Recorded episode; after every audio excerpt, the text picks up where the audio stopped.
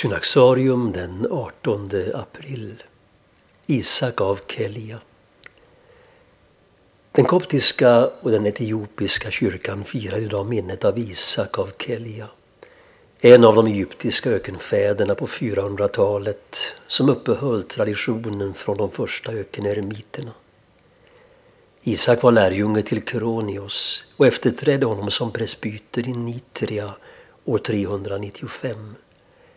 Historien om hur det gick till när han försökte undkomma prästämbetet berättas i ökenfädernas tänkespråk. När man kom för att göra Isak till presbyter och han fick höra om det flydde han till öknen. Men fäderna följde efter honom och kom till den äng där han gömt sig i gräset men kunde inte hitta honom. Det var kväll och de bestämde sig för att övernatta. När de släppte åsnan för att låta den beta gick den och ställde sig bredvid Isak där han gömt sig. Nästa morgon letade de efter åsnan och hittade då också Abba Isak. De blev förvånade och ville binda honom och föra honom tillbaka. Men han sa, jag ska inte rymma. För det här är Guds vilja och vart jag än flyr så finner jag den.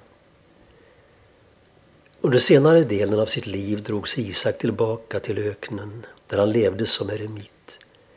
Tillsammans med de så kallade fyra långa bröderna fördrevs han efter 30 år av patriarken Teofilos på grund av sina sympatier för Origenes, men lär senare ha återvänt.